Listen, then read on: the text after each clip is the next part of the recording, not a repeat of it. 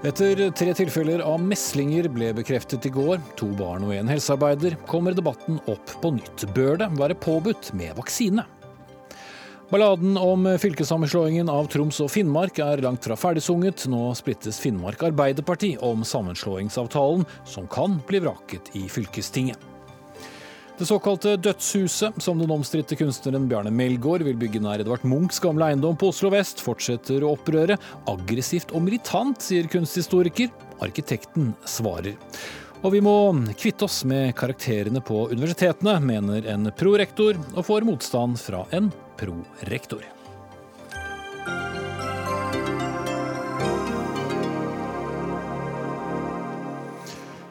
Da sier vi god torsdagskveld og velkommen til Dagsnytt 18 med Espen Aas. I går bekreftet altså Folkehelseinstituttet tre tilfeller av meslinger i Norge. To av dem var på barn, den siste jobbet faktisk i helsevesenet.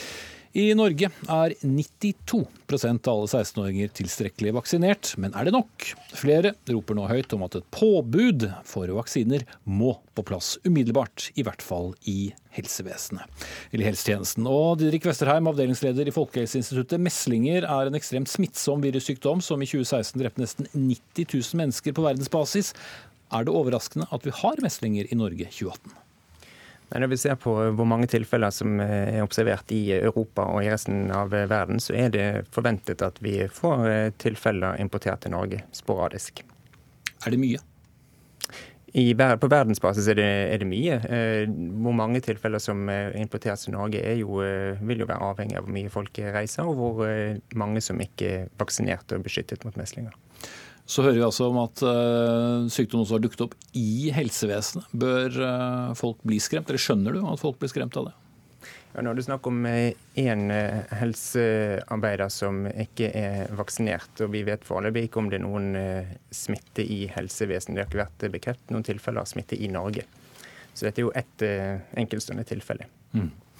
Sveinung Stensland, du sitter i helsekomiteen på Stortinget for uh, Høyre og er en av dem som uh, nå snakker om et påbud. Hvem uh, bør påbys eller tvinges til å vaksinere seg? Jeg var ute tidligere og krevde et påbud for de som jobber i helsetjenesten, de som jobber pasientrettet, nettopp fordi de ikke skal være bærere av disse sykdommene, som er svært smittsomme og potensielt svært skadelige. Og når denne saken dukker opp kort tid etterpå jeg var ute med det i, på nyåret, så aktualiserer jo det mitt forslag om at eh, en skal kreve at de som jobber i helsetjenesten, er vaksinert. Det som er en del av utfordringen, er jo òg at eh, ledere i helsetjenesten ikke har lov til å spørre engang, eller lage oversikt over hvem som er vaksinert, så de har ikke oversikt. Og i dagens arbeidsmarked med med helsepersonell som kommer fra alle deler av Europa og jobber i Norge, så er det svært viktig at vi har oversikt over vaksinestatus i de forskjellige avdelingene i norske sykehus og sykehjem. Ingeborg Senneset, eh, kommentator og journalist i Aftenposten. Dette er et tema som eh, opptar deg mye i spaltene. Stiller samme spørsmål til deg. Du vil jo da gjerne gå et hakk lenger. Hvem vil du tvinge til å vaksinere seg? Um, det er jo NRK sitt ord, det med tvinge. da. Ehm, men jeg har eh, tidligere, i 2015, så skrev jeg en kommentar som ble veldig mye diskutert, der jeg hadde tvilt meg fram til at vi trengte å ha obligatorisk vaksine, som jeg foretrekker å kalle det. Det var da snakk om barnevaksinasjonsprogrammet. Um, det handler om at vi har en svært kort hukommelse når det kommer til sykdom. Uh, sykdommer vi ikke ser, de glemmer vi fort hvor alvorlig var.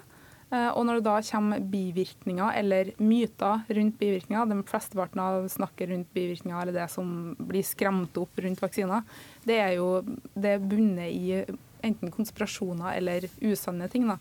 Og da virker de bivirkningene eller mytene mer skumle enn selve sykdommen, for vi har rett og slett glemt hvor ille det var. Eh, så derfor tenkte jeg at er en det er faktisk et uh, hensyn vi bør ta til enten de barna som ikke har noe valg sjøl, eller de aller minste ungene, og de som faktisk ikke kan ta vaksine av ulike årsaker. Så det bunner i et uh, hensyn til de svakeste, og som sykepleier og som medmenneske så var det det standpunktet jeg tok. Og jeg syns at vi skal slappe av med ordet tvang, for vi, da må vi begynne å si at vi har tvangsbilbeltebruk, at vi har eh, tvangsskole, sånne ting.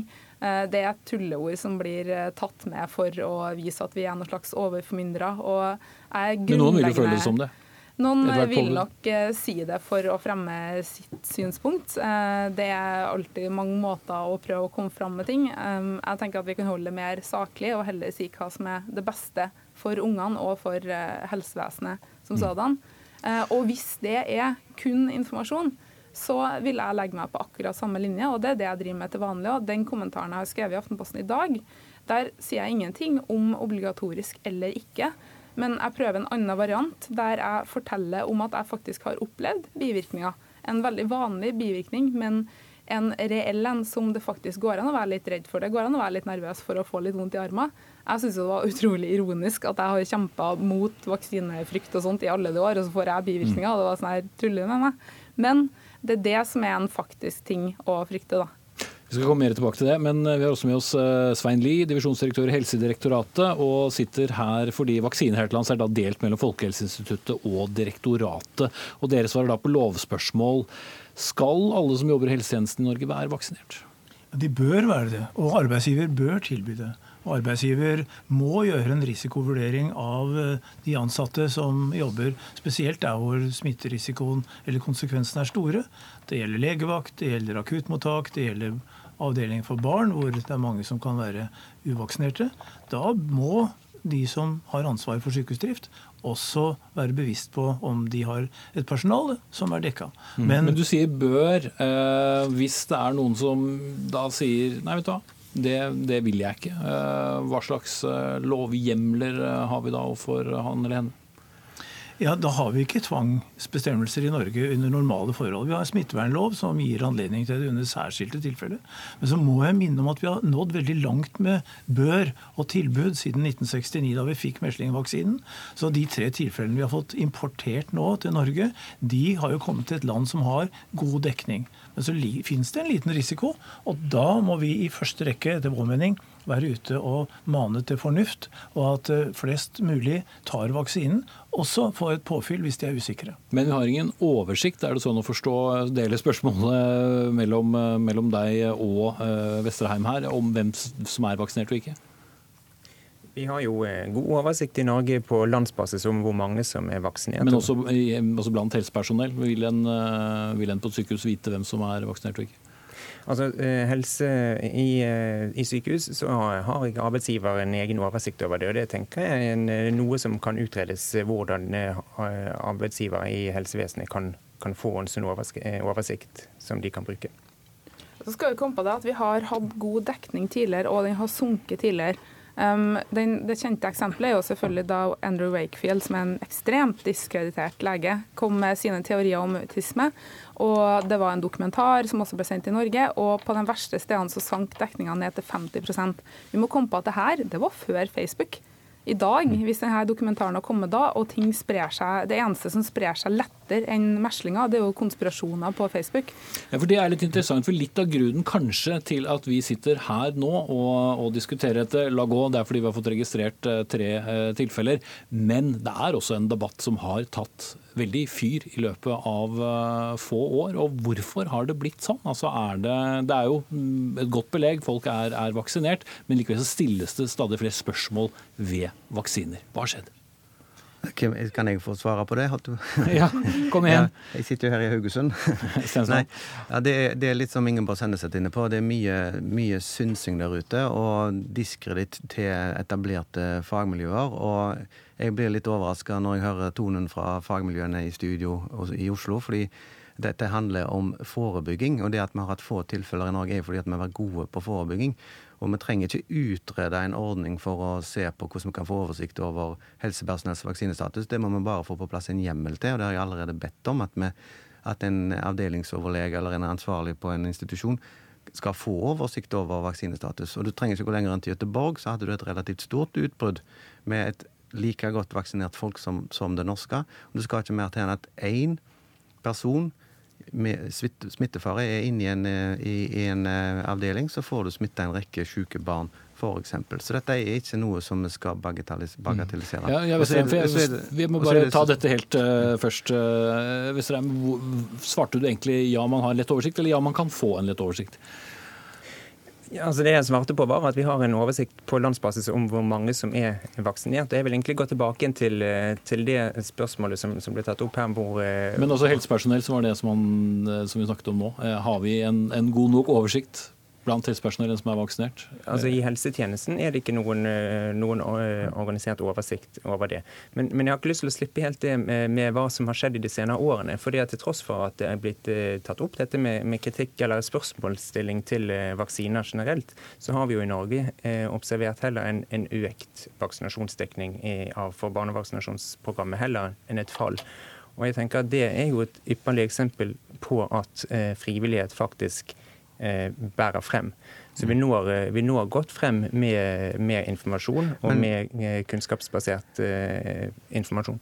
Lov, altså, frivillighet, Jeg er enig i frivillighet når det gjelder vaksinasjon av hele befolkningen, men akkurat helsepersonell er satt for å tjene den delen av befolkningen som trenger hjelp, som trenger omsorg, som trenger støtte. Og akkurat der så bør myndighetene sørge for at de som jobber med å pleie syke barn og syke andre som har stor smittefare, at de er beskytta. På samme måte som vi krever at helsepersonell følger andre hygienetiltak. For det med vaksinasjon er faktisk et tiltak for å hindre smittespredning, i likhet med alle andre hygienetiltak. Og det har vi i dag mange regler for hvordan, hvordan ansatt på sykehus skal kle seg, hva skoen kan ha på seg, at en ikke kan bruke smykker. Og da mener jeg i tillegg til de hygienetiltakene at vaksiner skal være helt naturlig å få på plass. Og det er faktisk ikke godt nok at ikke vi vet status på vaksinasjon blant de ansatte på norske sykehus. Det holder ikke, og det må på plass, og det må vi få en hjemmel til. Og så må vi få hjemmel til at de som ikke er vaksinert, hvis det blir vurdert at de burde vært det, så må arbeidsgiver kunne kreve det. Det er det jeg Men, har sagt i debatten. Men eh, da Stensland, så må du nesten ta en prat med landets helseminister, som ja, faktisk er fra Høyre, og ikke er for et påbud. Et Nei, siste jeg... poeng er også det at vi må komme på at vi kommer til å trenge veldig mange flere hender i helsevesenet fremover, og vikarbruken kommer Kanskje får vi til å holde den relativt lav, det kan jeg vanskelig tenke meg. Jeg er sykepleier sjøl og så hvor mye jeg jobba nesten 100 uten å være ansatt et eneste sted, annet enn som ekstrahjelp. Um, og også utenlandske uh, helsearbeidere. Og det er et poeng å gi arbeidsgivere et verktøy for å holde orden i egne rekker, om vi skal kalle det. Uh, og altså, vaksinasjon, om det kunne vært så enkelt som at det kun var en borgerplikt, så hadde det vært helt fantastisk. Men når det gjelder eh, sykehusene, så må vi ha en viss eh, orden, tenker jeg da. Vi må bare bringe inn en femtemann her før dere skal få ordet igjen her i studio. nemlig deg, Tore Westeen, smitteoverlege ved Helseaten i Oslo. Eh, vi skal ha to ord med deg også, for du har tidligere vært imot et påbud, men har skiftet litt mening etter disse meslingstilfellene, hvis jeg forstår det rett? Ja. Hvorfor? Eh, jo, jeg har nok skifta noe mening, men jeg, la, la, meg si det sånn at eh, jeg støtter Stensland i dette med eh, påbud for helsepersonell. Eh, og der, der, der, der, eh, der minner jeg om at f.eks. Finland de har innført et påbud for helsepersonell nå i år. Og jeg, jeg, dette syns jeg absolutt for helsepersonell ved pasientkontakt. Når det gjelder barn, så har jeg før ment at det har vært greit at det er frivillig. For vi har tross alt vi har jo en god vaksinasjonsdekning, som Vesterheim sier. Men så tenker jeg at problemet er at det er jo noen barn som ikke er vaksinert, og som blir syke. Og sånn som i dette tilfellet vi har i Oslo nå, så er det barn som kommer fra land, det er innvandrere som kommer fra land som har en del meslinger, og så reiser de hjem på ferie, og så blir de smitta der. Og Det har vi sett flere ganger i Oslo, selv om det skjer nokså sjelden da, men det skjer. Og da tenker jeg at når foreldre tar valg som, som ikke er til barnas beste, så bør vi kanskje hjelpe foreldre til å treffe det rette valget. Gjennom et påbud? Og, ja, kanskje. Jeg sier kanskje. For det har, det har, det har fordeler og ulemper. Eh, bringe inn eh, Svein Lie i Helsedirektoratet igjen. Eh, ville et påbud om vaksinasjon være hjelpsomt? Det kan være, men eh, ta Stenslands poeng først. Det er ingen som har sagt at ikke vi skal ha en oversikt over om personell er vaksinert eller ikke. Det er jo et annet spørsmål enn tvang mm. til vaksine. Og det er jo sånn at eh, Lovgivninga i dag er sånn at både helsepersonell og de som driver helsetjenester, har plikt til å påse at det er forsvarlig. Så i en gitt situasjon så må de også med rette kunne stille krav og at en har en beskyttelse for personellet og for de de møter. Men er det litt gråsone? For jeg får ikke helt tak i hvordan dette effektueres i dag. Og da vil det Senneset også poengtere at uh, vil, vil man kunne nå alle? Nei, det, Poenget mitt er i hvert fall det at uh, dette har vi klart å håndtere med forsvarlighetskravet. Og vi har det på flere andre områder, hvor en f.eks. må tilse at uh, personellet kan snakke språk så godt at de kan behandle pasientene. Og det, Når vi snakker om vaksine, så er det jo flere andre sykdommer som også rammer, og som kanskje er like farlige for befolkningen som meslinger, selv om potensialet er stort hvis den brer seg. Jeg tror likevel at enn så lenge så må vi arbeide for å bruke denne anledningen til å mane til det som Senseth også sier, til å se alvor i det og bruke de mulighetene som ligger i å motta vaksinasjonstilbudet, både for barn og for voksne, og spesielt helsepersonell. For det mener vi. Mm. Et register om hvem som er vaksinert, det kan brukes, men det er et stykke derfra til tvang. Mm. Eh, og For å gå tilbake til eh, en spennende ting som vi snakket om eh, i sted, nemlig dette, med, med, mytene om hvorfor folk blir da skeptiske til, til, vaksiner, har jo kommet litt i bølger. Ikke minst så, så var det mye i forbindelse med svineinfluensavaksinen for en god del år tilbake. Hvem gjør en for dårlig jobb når vi lar dette være en pågående debatt? Selv om vaksinegraden muligens holder seg, så er jo debatten mye mer fremmed før. Jeg tror ikke vi skal si at noen gjør en dårlig jobb. Tvert imot så tror jeg det er veldig mange som gjør en veldig veldig god jobb. Og jeg tenker at eh, debatt er jo sunt. Så det at vi får en diskusjon om, eh, om mulige konsekvenser og bivirkninger av vaksinasjon, tenker jeg er, er, bare fint. Men for oss er det jo viktig å få frem at det som er det kunnskapsbaserte grunnlaget for, for at vaksiner faktisk fungerer.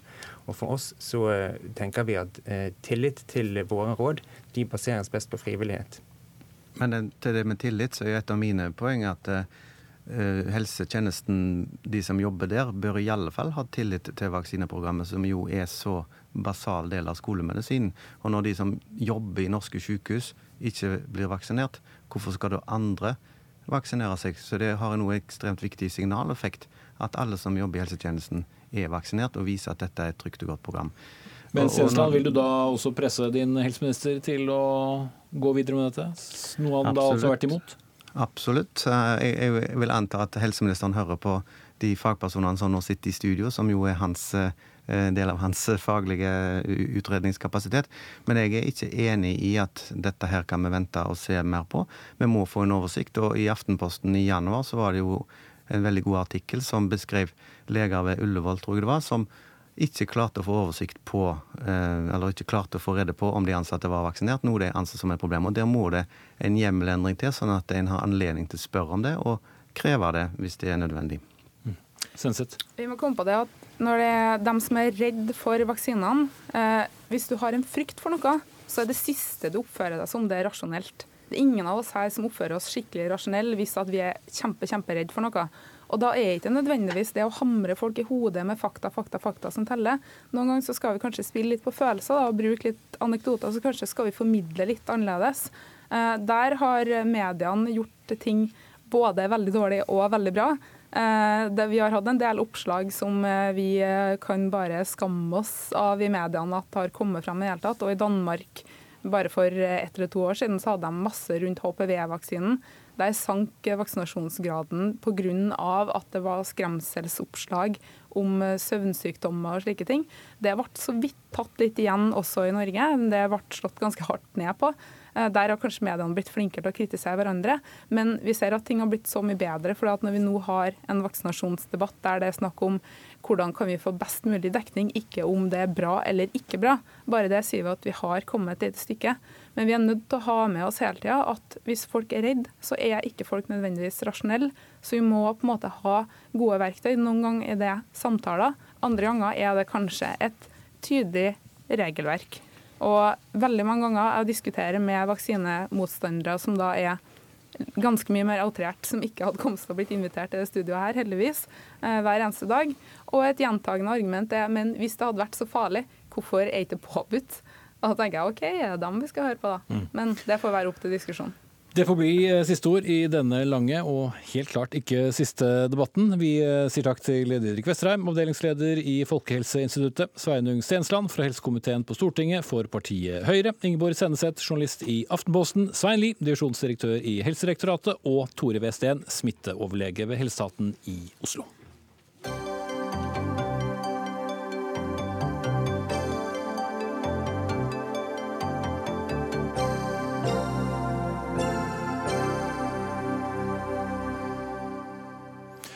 Da skal vi eh, vende vår eh, oppmerksomhet eh, nordover til den tidvis betente fylkessammenslåingen mellom våre to nordligste fylker, Finnmark og Troms. For det blåser nemlig en sterk nei-vind i Finnmark, der Arbeiderpartiets gruppe er desidert størst i fylkestinget, og ifølge dagens VG er partiet delt på midten. Det som er viktig med dette, er at eh, det som Ap kommer til å bestemme seg på for på fylkesårsmøtet, kommer også til å bli resultatet i fylkestinget pga. størrelsen på partiet. og Derfor er det muligheter for at den økende motstanden kan ende med et nei-forslag, eller en nei-stemme til det forslaget som ble meklet frem etter lange og vonde timer. Og Wenche Pedersen, du er gruppeleder i Vadsø Arbeiderparti og tilhører det som vi vel da får kalle nei-siden. Hvordan, eh, eller hvorfor snarere, tror du at flertallet i fylkestinget vil si nei til avtalen som ble meglet frem i forrige uke? Ja, Det er rett og slett en altfor dårlig avtale. Eh, man har eh, Våre forhandlere har godtatt en avtale som, som vi har sett på innholdet i. og det er klart at det er så dårlig på alle mulige måter. Vi gir fra oss politisk makt, vi gir fra oss administrativ makt, vi gir fra oss kompetansearbeidsplasser.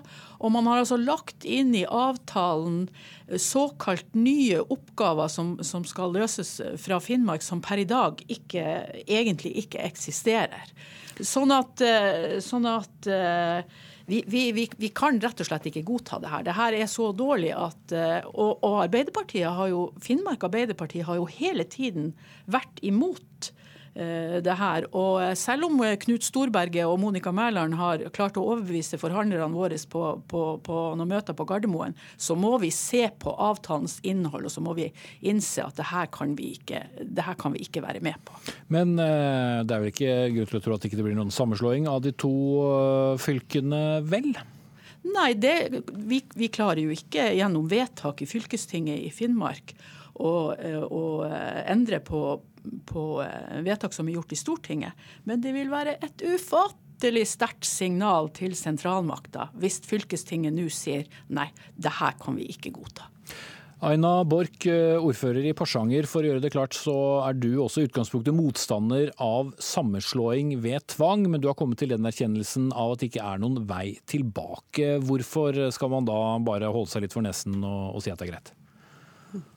Nei, Jeg tenker ikke at vi skal holde oss for nesen og si at det er greit. Og, og jeg har lyst til å si det at jeg tror hjertene til alle finnmarkinger blør i det vi står i. og eh, Finnmark Arbeiderparti og Arbeiderpartiet har vært eh, imot både sammenslåinga og, og eh, denne tvangssammenslåinga. Det er jo regjeringspartiene som påfører oss eh, denne elendigheten som vi står i, som både splitter folk, eh, som eh, bidrar til ja, ei, stemning som på mange måter i alle fall ikke bygger opp under et godt samarbeid fremover.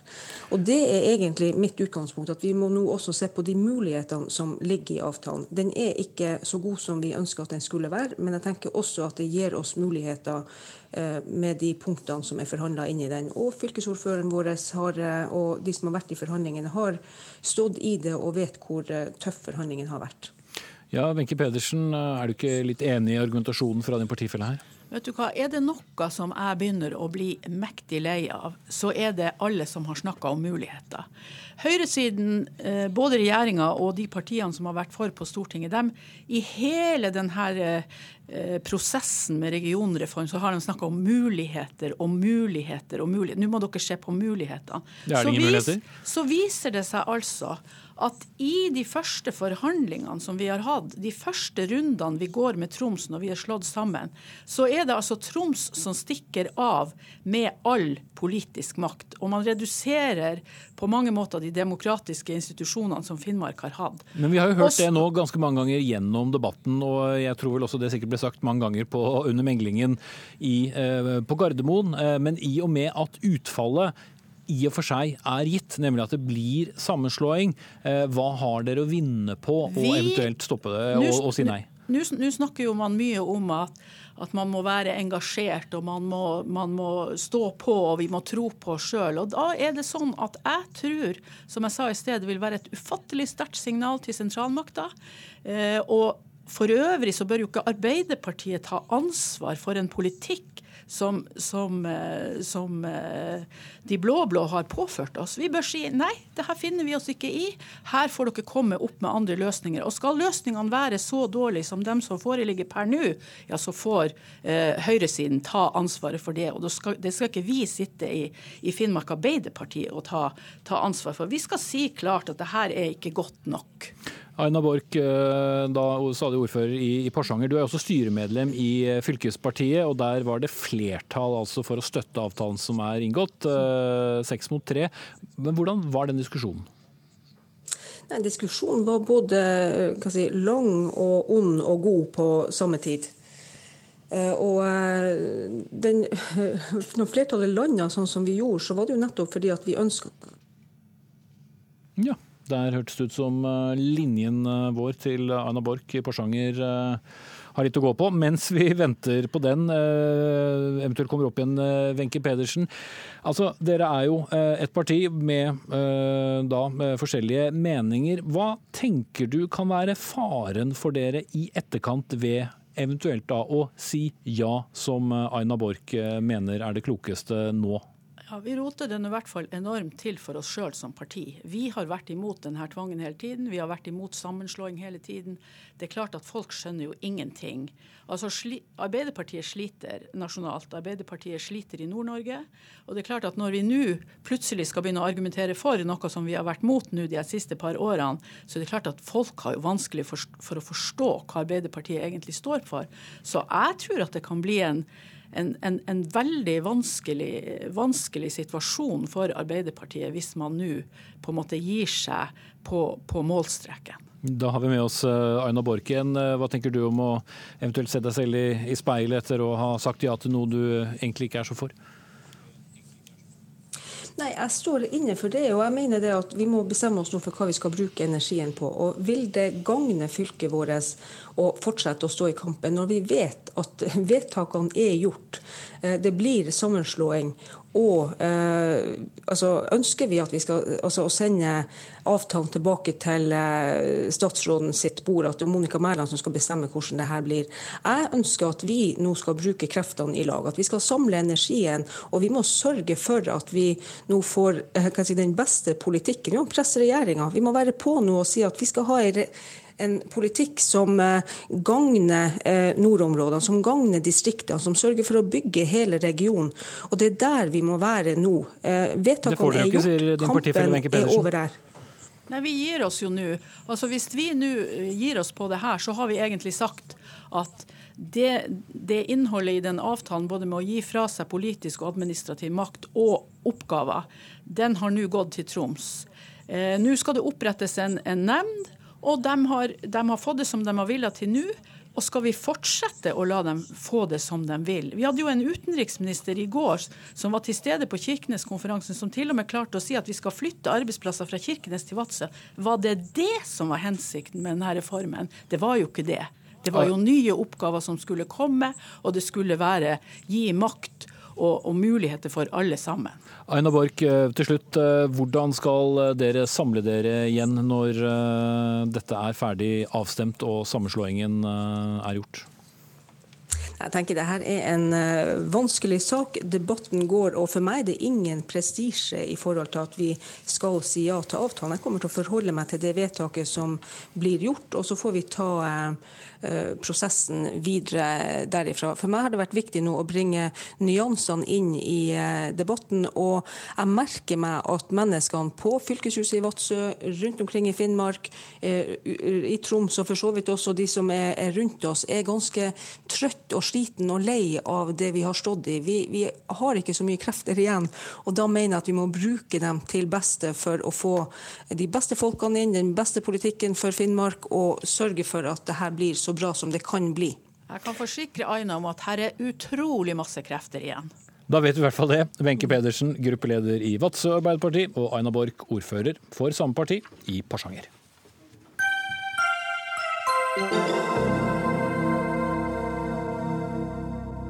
Debatten, debatten, rundt eh, kunstneren Bjarne Melgaard og arkitektkontoret Snøhettas ønske om å bygge det såkalte Dødshuset på det som heter Kikkuttomta på Ullern vest i Oslo, fortsetter å skape debatt. Huset vil eventuelt, hvis det blir bygget da, ligge i nærheten av der Edvard Munchs bolig på Ekeli lå, før den ble revet på 1960-tallet. Dette har eh, skapt protester både blant naboer og kunstnere, fordi området er delvis fredet nettopp pga. Munchs historiske tilknytning. Melgaards prosjekt inneholder boligatelier utformet som to hundehoder, med fasade av svartbrent forkullet eik og et tårn på tolv meter. Huset er tredelt, med delvis underjordisk hovedhus, atelier og tårn, altså. Og Frank Høyfødt, forfatter og kunsthistoriker, du har skrevet mye om Edvard Munch, og er blant dem som er skeptiske, kan vi i hvert fall si, til Snøhettas planer. Hvorfor bør ikke Melgaards hus bli bygget på Ekely? Fordi det er et fremmedelement. Kom gjerne nærmere mikrofonen. Fordi det er et fremmedelement, og, og det har ikke noe der å gjøre. Det, det fungerer som en, som en aggressiv revirmarkering. Det er iallfall det som, som er det inntrykket man får. Det er fredet. Landskapsrommet, som var en inspirasjon og motiv for Munch, er, er fredet sammen med Ekeli kunst, kunstnerkoloni. Og, og, det må vi se betydningen av. Vi, vi, har litt vanskelig for å se betydningen av det vi har selv. Vi setter pris på at andre tar vare på sine ting i utlandet, men vi ser ikke at vi også har et internasjonalt ansvar for å ta vare på arven etter en verdenskunstner som Munch. Mm. Du har til og med kalt det for narkotektur. Hva, hva betyr det? Ja, det er ikke jeg som har, um, har uh, kalt det det. Det er, um, det er et begrep som har vært brukt, som, som professor Ina Blom brukte i en artikkel om, om det første uh, prosjektet som du nevnte, med, med et 16 meter høyt tårn osv. Det er jo interessant hvordan hun prøver da å kategorisere hva er det for slags eh, konstruksjon og bygg som da ble planlagt inne på fredet område. Som, som senere ble, ble lavere? Ble, ja. ja, nettopp. Men da, i, i dette nark narkotekturbegrepet, så, så er jo det en måte å knytte det til et fenomen man finner kanskje særlig i Latin-Amerika, hvor, hvor narkokarteller har veldig makt, og narkobaroner kan velte seg i penger, og derfor har anledning til å få realisert sine subjektive drømmepalasser, som ofte er meget bisarre, men, men, det er ingen begrensninger i, når det gjelder penger. Og det er også det man fikk inntrykk av med det første uh, prosjektet, at her, her, er det ubegrensede midler, og, og her kjøres det på for, for full musikk på en, på en, veldig militant og aggressiv og dominerende måte. En blanding av superluksus og kan du si, offentlig utsmykning. Mm. Du har også vært overrasket over Snøhettas eh, rolle, altså arkitekten her. Eh, hvordan da? Jeg er jo en stor beundrer av, av Snøhetta, selvfølgelig. Og jeg har ofte vært i, i Egypt f.eks. og stått og beundret uh, biblioteket der.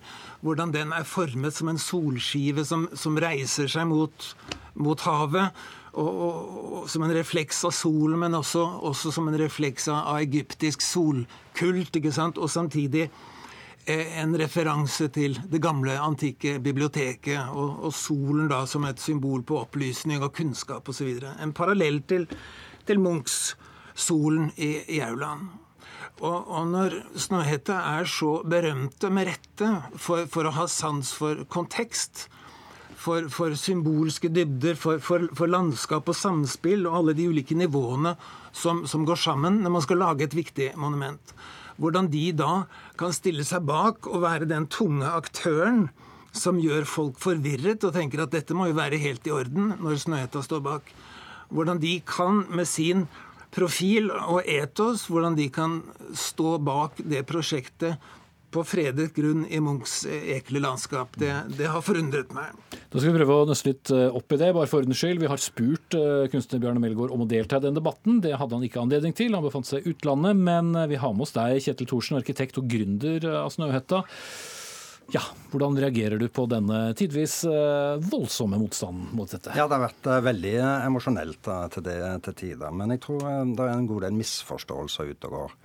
Og Sånn sett så kunne det være greit å prøve å få rett opp i en del av de forutsetningene som vi merker blir debattert kontinuerlig. For det første så står jo ikke huset på Ekely. Det står på Kikkut-tomta, og det er nabotomt til Munchs Ekely. Eh, den eh, bygges heller ikke på freda grunn. Det står på boligregulert grunn eh, med 400 meters avstand til Munchs vinteratelier. På den tomta hvor vi har planlagt huset, sto det under hele Munchs levetid et annet hus, en sveitservilla på nabotomten. Munch har aldri opplevd kikkut uten et hus på nøyaktig det stedet. Med litt annet hus, kanskje? Et litt annet hus. Eh, men derfor er det òg viktig å ikke drive oss og forskyve argumentasjonen for debatten. For det som handler om Mungs etterlevninger av, av, forståelse av selve tomta og omgivelsene. Det bor jo allerede 41 kunstnere vesentlig nærmere Munchs sitt vinteratelier enn Bjarne Melgaard noensinne vil få komme. Eh, det er allerede revet Munchs gamle bolig, nettopp for å gjøre plass til kunstnerboliger på Ekely. Eh, hele skogen rundt selve området på Kikkut, det er en vanvittig fin edelskog som gjennom denne reguleringen nå endelig får varig vern og utvida vern, og blir trukket sammen i en større helhet enn det han var før. Uh, og så må man jo gjerne diskutere om det er et stygt eller fint hus. Om Bjarne Melgaard er en god kunstner eller en dårlig kunstner. Det er en debatt vi gjerne tar, for da er vi inne på subjektive uh, vurderingskriterier. Men du sier egentlig at du har blitt nødt til å ta en debatt på eh, en del sånn sviktende premisser? eller ikke? Ja, jeg orker ikke å gå gjennom uh, diskusjonstema hvor det til, stadigvis, til stadighet hevdes at motivene for Munchs bilder fra Kikkut ble ødelagt ved å sette opp et hus. Det finnes ikke et eneste Munch-bilde med motiv fra Kikkut. Vi skal eh, bringe inn en tredje tredjeperson og så sett et litt skjevt panel for, denne diskusjonen her. Gro Finne, maler og, og, grafiker. Du er en av dem som markerer deg som eh, svært kritisk til, til prosjektet. Hva er det du reagerer på? Jeg reagerer på at man nok en gang skal ødelegge arven etter Munch. Uh, og det var én person du ikke nevnte uh, som er en viktig person i denne debatten, og det er Selvåg, eiendomsutvikler. Han er en pådriver. Og han, uh, han har vært pådriver for utbygging av den Kikkutkollen i Jeg tror han har tapt i tre omganger i rettssaker. Eh, og, Nå er ikke Selvåg her i, i studio, så vi kan ikke ta en stor diskusjon rundt det. Men, ja, men, men det, er det det som er, er ditt hovedargument? Han er en hovedperson. Og mitt, uh, min, mitt engasjement det dreier seg om at dette berører arven etter Munch. Selv om det sto et, en bygning der en gang, så, så, vil ikke Altså, det, det, det som skal bygges der nå, er jo noe helt annet. Eh, det, det Men det er jo ikke på tomten, som, eh, som det poengteres her. Så det er jo sidetomt. Eh, og hvor, ja, hvor går da grensen for utsynet fra Gamle Det er landskapsrommet rundt. Det er like ved Ekely. Men det berøres jo ikke i det hele tatt? Jo, det berøres selvfølgelig. Det, det, er jo derfor Det var derfor det ble fredet i sin tid. Ja, men det er ikke fredet. Av, av, jo, området er fredet. Ja, Øvre del av Kikkutkollen er fredet. 97. Nedre del ble regulert i friområdet. Eh, det er en massiv utbygging rundt, rundt eh, altså i hele området. Og den, Kikkutkollen er den lille som står igjen. Og eh, det med land, altså, landskapet i, i Munchs bilder det, det, er vesentlig. Eh, mennesket og naturen. Og det er ikke sånn altså om du det huset som skal bygges der, det vil bli veldig dominerende. Og det, det, hvorfor skal det bygges akkurat der? Det er jo for at man vil assosiere Bjarne Melgaard og kanskje Snøhetta med Munch. Eh, det forbindes med Munch, det landskapet. Og selv om man kanskje ikke kan se, det vet jeg ikke, det, det krangles det om, det skal jeg ikke påstå noe om, om man ser dette bygget fra et punkt fra vinteratelieret til Munch. Det, det, er ikke det det dreier seg om. Men eh, det, det, området vil bli privatisert. Eh, Men nå, La oss ikke, slippe til. Torstein, for det ble mange, mange ting her. Kan vi ja. også bare få vite litt mer? Så hva, hva, hva, er på en måte filosofien bak utformingen av, eh, av dette huset? Nei, det er jo rett og slett et veldig tett og symbiotisk samarbeid mellom Bjarne Melgaard og oss hvor vi har gått inn i hverandres kunstneriske aktiviteter og arkitekturaktiviteter.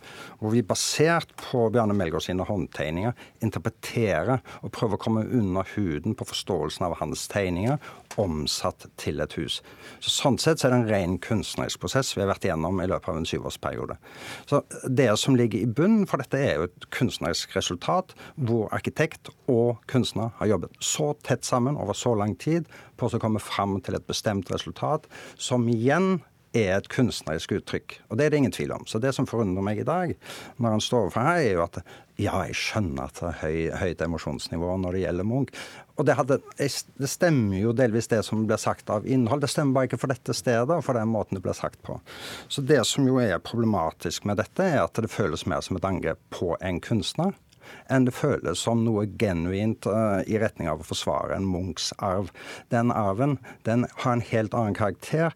Som jeg sagt, uh, det bor allerede 41 kunstnere på Ekeli, vesentlig tettere. Markante kunstnere som har hatt vesentlig betydning i norsk kulturliv over en lang periode. Og det er jo nettopp grunnen til at vi har plassert atelieret til uh, Melgaard på dette stedet. At det har en lang tradisjon for, uh, for kunstnerboliger med atelier. Mm. Så dette er nummer 42 i rekken av allerede 41. Hvorfor greier du saken helt, Kjetil Thorsen? For det, at, uh, det, det ble testamentert den eiendommen av Munch til Oslo kommune. Og, og, Munch var en snill mann. Han, en, eh, han brydde seg om sine kolleger. Han, han, ville gjøre noe for kunstnere. så da ble det bestemt etter krigen at det skulle bygges boliger for kunstnere. Der det var sosial boligbygging. Eh, det var, det var, eh, folk med dårlig råd. De kunne betale Men er da, er da litt av poenget her at Melgaard er da feil eh, kunstner, eller er det bygget som er problemet? Bygget er problemet, for du kan ikke sammenligne det bygget med de kunstnerboligene som ble bygget etter krigen. Det er, jo, det er helt forvrengt. Og øh, øh, men la meg bare få trekke inn også Høyfødt helt på slutten Hvis det er det eh, kunstneriske, Kjetil, hvorfor kan ikke det bygget ligge et annet sted? Fordi det er rett og slett kommet rett ut av den tomta i samarbeid med Jane. Det er helt kontekstuelt. Det er gjennomført nøyaktig plassering, håndtering, utsikt, forståelse, materialbruk, eh, formbruk, skogen, tettheten av skogen. Eh, alle de tingene som ligger i bunn for nettopp dette prosjektet, kommer rett ut fra denne tomta. La oss slippe til deg helt til slutt. men kort, eh, Frank? Ja, det, det, det, det, som eh, blir borte i resonnementet der, er jo det som er veldig synlig for, for mange andre. At, at Melgaard har noe å tjene på å plassere seg i, i det, som er, det som jeg kaller litt hvitt for, for Munchs Ekeli-landskap. Ekeli er assosiert til, til Munch, og det er, det er det, ansvaret vi har. Og, og, det er en enorm kontrast mellom de kunstnerboligene, som, som er et enestående uttrykk for sosialdemokratisk kulturpolitikk etter krigen, som jo er, er, er enkle og, og, asketiske som et kunstnerfellesskap, som, som, ligger da på bakkenivå. Og så skal det da bygges en spektakulær eh, affære Slags... Med tittelen 'A House to ja, Die Vi må uh, sette strek der. Uh, Frank Høyfødt, forfatter og kunsthistoriker. Gro Finne, maler og grafiker. Og Kjetil Thorsen, arkitekt og gründer av Snøhetta.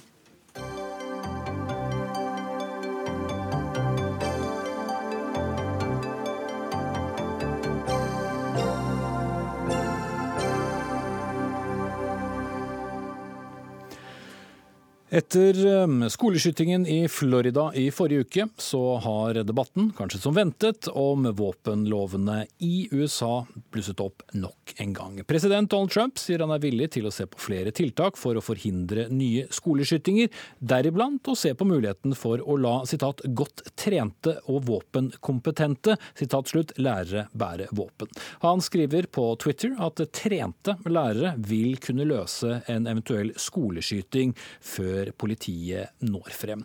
Og Austin Rasmussen, styreleder i Republicans Abroad Norway, du er eh, med oss. Eh, du har altså tatt til orde for nettopp dette. Hvorfor er det en god løsning? Uh, this is a particular situ- a particular solution that I've supported for quite some time. Now, one thing that we should make sure that uh, is, is highlighted here is the difference between arming teachers and allowing teachers who are qualified to carry firearms. These are two very different scenarios. Throughout today, the media has favored uh, reporting that Trump uh, encourages the government arming teachers. Now, of course, he didn't say that. Um, when it comes to allowing a teacher who has the qualifications to carry a firearm, what you ultimately end up doing is turning a soft target into a hard target. Now, schools right now, as they stand, are soft targets because at the front of schools, you'll have a sign that says gun free zone. So, what this tells an individual who, who, has, um, who, who wants to commit one of these atrocities is they'll meet the least resistance if they go into a school because there's a sign that says gun free zone. It, it's, it's like putting a, a sign up in front of your, your farm of sheep and saying this is a wolf free zone. Uh, it, it's not logical. And so that turns these into soft targets. Now, if a teacher as a civilian has gone through the steps to get their license for concealed carry, there's no logical reason to tell them that they shouldn't carry that weapon on campus to protect the students that they're teaching. Um, takk så langt, eh, Rasmussen. og Bare for å opplyse det til eh, våre lyttere. Uh, skjønner norsk, men svarer da på, på amerikansk eller engelsk. Mens altså hovedpoenget hans er at det handler ikke om å bevæpne alle lærere, men det handler om å bevæpne lærere som har opplæring i å bruke våpen, og slik sett gjøre en skole til et vanskeligere mål enn det er i dag, fordi at skoler er våpenfrie soner, og dermed så vil en angrepsmann, en attentatsmann eller -kvinne for den saks skyld, ikke møte noen motstand. Men jeg må også spørre deg, eh, Austin Rasmussen. Eh, som med nærmest alle uttalelser fra president Trump, så har altså det han her sa fått mange oppslag, også feilaktige oppslag, som du poengterer. Hvordan vil du eh, karakterisere denne mediedekningen, og kanskje også fremstillingen av det vi gjerne omtaler som våpenlobbyen i USA? Now, first, I, would like to, to explain why this is such a big debate in, in short, and that, of course, comes down to the Second Amendment. And normally, when one of these these um, incidents occur, uh, both sides of the aisle tend to rush to their corners and, and stick to the talking points, right? So you have Democrats who ultimately want to end up uh, banning firearms, and then you have uh, Republicans uh, and people who, who cherish their rights that cl- uh, cling to it as we don't want the government involved at all because uh, it's, it's our Second Amendment right. It's a natural born right to own firearms. Now, the media coverage as of lately, I mean, uh, over the last, let's say, 10 years, um, has definitely favored towards the left side of this. And, and the coverage, for example, uh, in a lot of ways is, is counterproductive. Um, one way in particular, of course, is the media tends to to glorify the shooter himself, um, puts his picture up, uh, shows his name everywhere, and, and, this this of course would would take uh, or would require a little bit more of a psychological analysis to see how much of effect this does or doesn't have. Um, but the media is also covering it in a way where where they're showing the emotional appeal of it, um, and they're fanning the flames because it makes for good political fodder. So when they fan these flames and they take um, people who are directly affected by these incidents and pull them on air, and then have these people uh, try to give some direction to Congress for banning weapons, for example. This is not a practical way of approaching policy. And this is more or less what causes both sides to go to their corners instead of trying to meet in the middle and figure out a, a practical way to resolve these uh, mass shootings. Um, but uh, another way that the media tends to, to make these situations worse is, make this rather short, I'm afraid. Yes, okay. um, is how the numbers are reported. For example, gun deaths versus gun murders. Right? When you when you conflate those numbers, the numbers look high. But a lot of people don't realize, for example, in the United States, over two thirds of gun-related deaths are actually suicides. Um, so then, when you break down the actual murder portion of it, you can get into cities like Washington, D.C., Chicago, Detroit, New Orleans. These cities have the most and strictest gun control laws already in place in the country. Um, so the idea there is is we're supposed to add more gun control laws, even though all the ones that are there have failed, and the laws that are in place make it almost impossible for a civilian to legally own a firearm. Yet in these cities, they have the highest rate of murder and firearm-related crime than anywhere else in the United States. Ok, eh, Takk, eh, Rasmussen. Altså, eh, hans poeng er at det er en veldig polarisert eh, debatt, hvor det på én side eh, fokuseres mye på ofre. Eh, vi ser også mye til gjerningspersonene i, i disse sakene sakene, og ikke så mye om eh, hva som kan ligge i de konkrete forslagene. Og Rasmussen hevder også at eh, det er ikke alltid at eh, disse våpenlovene virker, selv om de er innført i enkelte stater. Ingrid Wiik, religionshistoriker, du er med oss i studio. Hvis jeg stiller deg spørsmålet, hvorfor er våpen så viktig for så mange amerikanere? Det tror jeg har å gjøre med eh, Altså Den konservative forståelsen av frihet er helt sånn grunnleggende.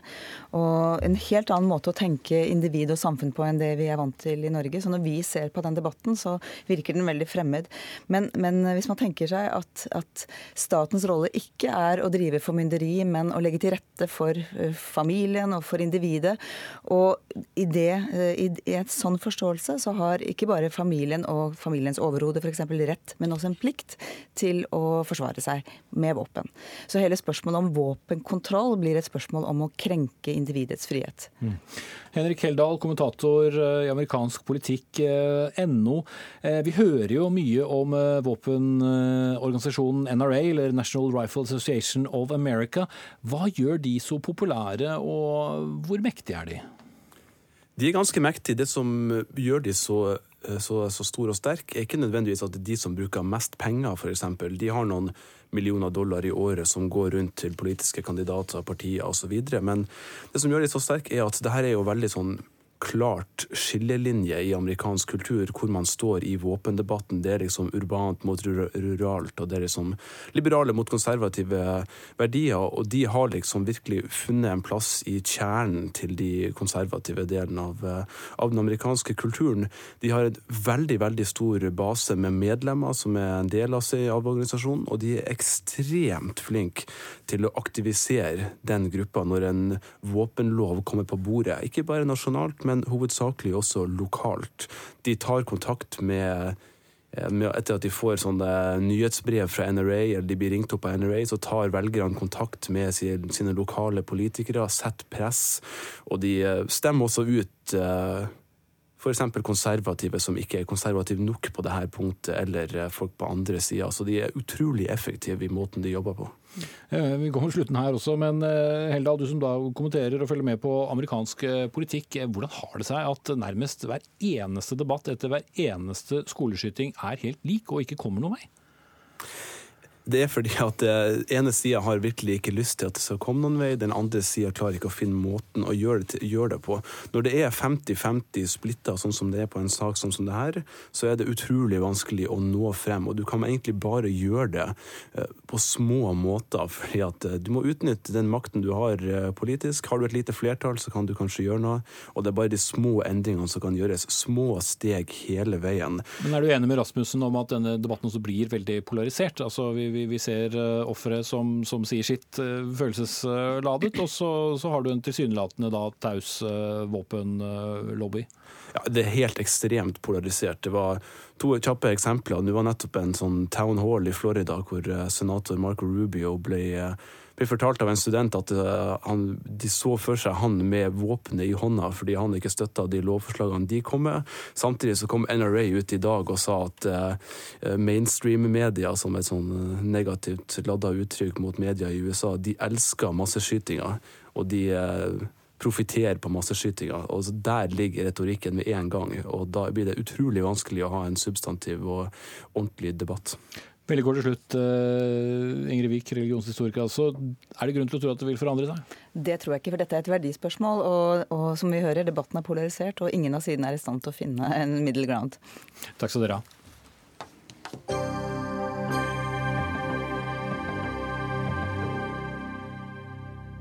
I eh, forrige uke så debatterte vi her i Dagsnytt 18 et forslag om å droppe karakterer i ungdomsskolen, noe Norsk Lektorlag mener nærmest er å dulle med elevene. I dag kan vi lese et uh, helt annet forslag, som da faktisk ikke et helt annet, men et forslag som går enda lenger, snarere, nemlig å droppe karakterene i høyere utdanning. Alt tilsier at det er på tide å skrote avsluttende eksamen med karakterene A til F i akademia, leser vi en kronikk i Aftenposten i dag, forfattet av deg, Solve Sebø, eh, prorektor for utdanning ved NMBU, altså Norges miljø- og biovitenskapelige universitet. Hvorfor vil du droppe karakterer for studenter som tar høyere utdanning? Jeg tror det handler mye om det samme som det i lavere trinn. At uh, karakterskalaen er en uh, ytre motivasjonsfaktor som ikke er godt, en god motivasjonsfaktor for faktisk læring. Og det er jo læring som vi ønsker at studentene skal oppnå på, i høyere utdanning. Vi ønsker jo studenter som kommer ut av eh, studiene med kunnskap. Og en sånn eh, karakterskala det tror jeg er mer en eh, motivasjonsfaktor som ikke fører til læring. Og vi har jo teorier fra mm, psykologi som sier at vi er, som mennesker vi har en tendens til å tilpasse oss på en måte en, måten vi blir målt på, mer enn på en måte Eh, altså en ytre mm, eh, motivasjonsfaktor enn en sånn indre motivasjon. Vi må, vi må sørge for at studentene har en indre motivasjon for å lære, og det tror jeg vi kan oppnå eh, f.eks. gjennom mer prosjektbasert undervisning med formativ, altså langsgående vurderinger, med mer bestått, ikke bestått-vurdering enn den her Men vanskelig å skille på gode og ikke fullt så gode elever, eller? Altså, spørsmålet er Eh, vi skal jo skille dem eh, kanskje når vi skal ut i arbeidslivet og vi trenger å vite hvem som er gode. Eh, men vi ønsker jo også studenter som har kommet ut med noe kunnskap. Så er det, spørsmålet er, er det noe poeng å skille på folk som kanskje ikke sitter med den kunnskapen som de burde hatt. La oss vende oss mot Gro Bjørnrud Moe, prorektor ved Universitetet i Oslo. Hvorfor er det viktig med karakterer innenfor høyere utdanning? Jeg bare begynner med å si at jeg faktisk både er uenig i noen av premissene og virkelighetsforståelsen her. Ehm, jeg mener at Sæbø blander sammen eh, videregående skole og universitet, og at han blander sammen kritikk av karakterbruk og eksamensform. Og jeg vil bare at det ikke skal være noen som helst tvil, fordi på Universitetet i Oslo er det sånn at det er umulig å komme ut med et topp vitnemål gjennom å pugge. Eh, du blir derimot premiert for selvstendighet og vurderingsevne. Og som du veldig godt vet, så er det de to eh, høyest premierte eh, kvalitetene i karaktersystemet. Jeg tror på en miks av undervisningsformer, eksamensformer, arbeidsformer underveis. Men det å skrote karaktersystemet under ett tror jeg er et dårlig forslag. Hvorfor er det så dårlig? Hva, hva vil konsekvensen være?